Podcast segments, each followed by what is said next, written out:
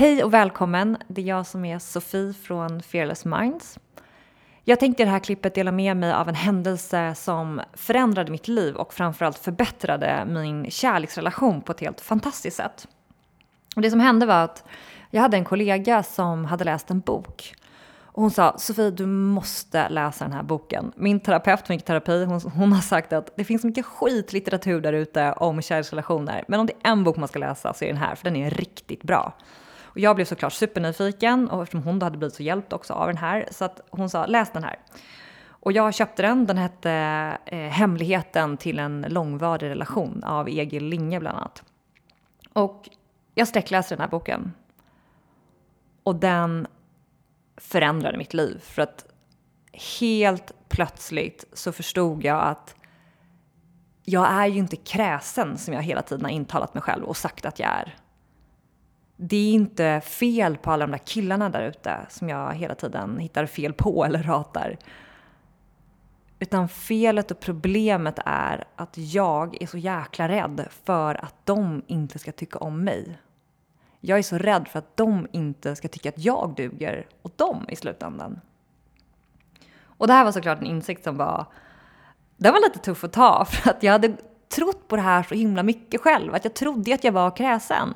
Men jag insåg att det är bara någonting jag intalat mig för att slippa komma nära och slippa känna på den där obehagliga känslan av att tänk om de inte tycker om mig, tänk om de inte älskar mig.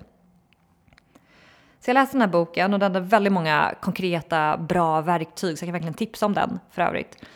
Så jag jobbade med det där ett tag och sen då så träffade jag min Kalle, eller Karl, min, min nuvarande man. Och jag hade läst den här boken och det jag framför allt hade insett var att när det blir jobbiga situationer, när någonting blir jobbigt, när jag känner att jag instinktivt vill pusha ifrån, när jag vill ta steg bak, när jag vill säga något som separerar mig mot den här personen jag träffar eller liksom skapa mer distans och avstånd.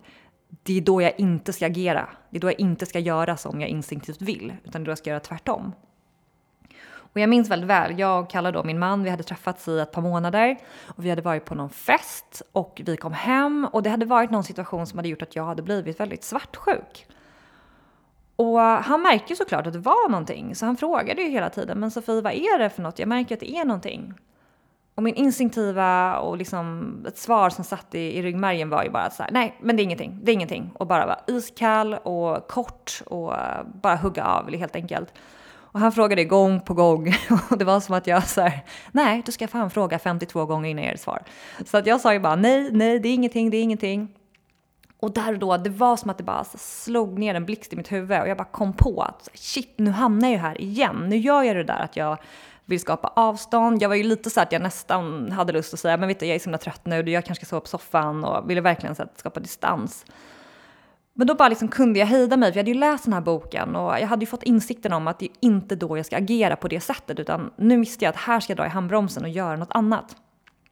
Så jag minns att vi ligger i sängen och han frågar, men älskling, det är ju någonting, jag märker att det är, kan du inte säga vad det är för någonting? Och jag tar ett djupt andetag. För jag tycker att det är så svårt och så jobbigt att inte agera på min instinkt. Men jag lyckas bara andas och jag tar till och med upp händerna som skygglappar, liksom håller dem för ögonen för jag klarar inte ens av att titta på honom när jag ska säga det jag ska säga. Men jag tar ett andetag, tar upp händerna framför ögonen, blundar, ser rakt ut i luften. Vet du en sak? Enda anledningen till att jag beter mig så just nu, det är för att jag är så livrädd för att du inte ska älska mig och tycka att jag duger som jag är. Och det förändrade allt. Min instinktiva reaktion var som sagt att bara pusha ifrån, säga att det inte är någonting, skapa distans, till och med kanske lägga mig i ett annat rum, säga att det är fel på honom, peka finger, men du borde, du är dum i huvudet för att och så vidare. Men genom att jag vågade bara gå till rotorsaken, säga från hjärtat det det egentligen innerst inne handlade om, vilket är att jag bara kände att jag är bara livrädd för att du inte ska gilla mig och du, jag tycker att jag, ska, att jag duger. Det förändrade allt, för helt plötsligt gav han mig det jag behövde, vilket var, alltså han blev ju bara så här, men gud älskling, jag älskar ju dig och varför skulle du tro det? Och kramade mig och jag kom nära och jag fick den bekräftelsen, vilket var precis det jag behövde i stunden. Och vi kom varandra nära. Och det var också att där blev startskottet på hur vi sen i hela vår relation har valt att förhålla oss till varandra i så, så mycket vi bara kan. I att, att sätta liksom, ribban i att försöka vara sårbar i de tuffaste stunderna och öppna upp och bjuda in istället för att stänga av och stänga ner och hålla distans. Utan våga gå till rotorsaken. Våga gå till det här är faktiskt det det handlar om. Vilket nästan alltid är att man är osäker på sig själv. Man känner att älskar du mig? Finns du här? Respekterar du mig? Det handlar väldigt ofta om det. Och det har gjort att vi har liksom båda fått en sån ingång eller en sån approach. Att är det någonting så försöker man i första hand titta på vad handlar det här om? Vad ligger hos mig i det här och hur kan jag kommunicera det? Så att det kan jag verkligen rekommendera. Den boken, Hemligheten, nyckeln till en långvarig relation med bland annat Egil Linge. Den är fantastisk och den, är, den har verkligen gjort att jag känner att jag har kommit nära min man på ett sätt som jag aldrig har kommit nära någon innan. Jag var i ett förhållande på nästan fyra år innan jag träffade min man. Och jag tyckte vi var nära där och då. Men när jag ser tillbaka på det så var jag inte alls nära. För jag lät inte honom komma in på den nivån. Där svarade jag alltid med ryggmärgen att det är ingenting och till och med bytte rum eller skyllde på honom. Men när man vågar vara sårbar och släppa garden och faktiskt säga vad det handlar om, då, då kommer man närmare den andra och man slipper de här omvägarna. För ofta så blir det ju omvägar att man börjar bråka och kasta skit och sen kanske man om man har tur kommer till rotorsaken.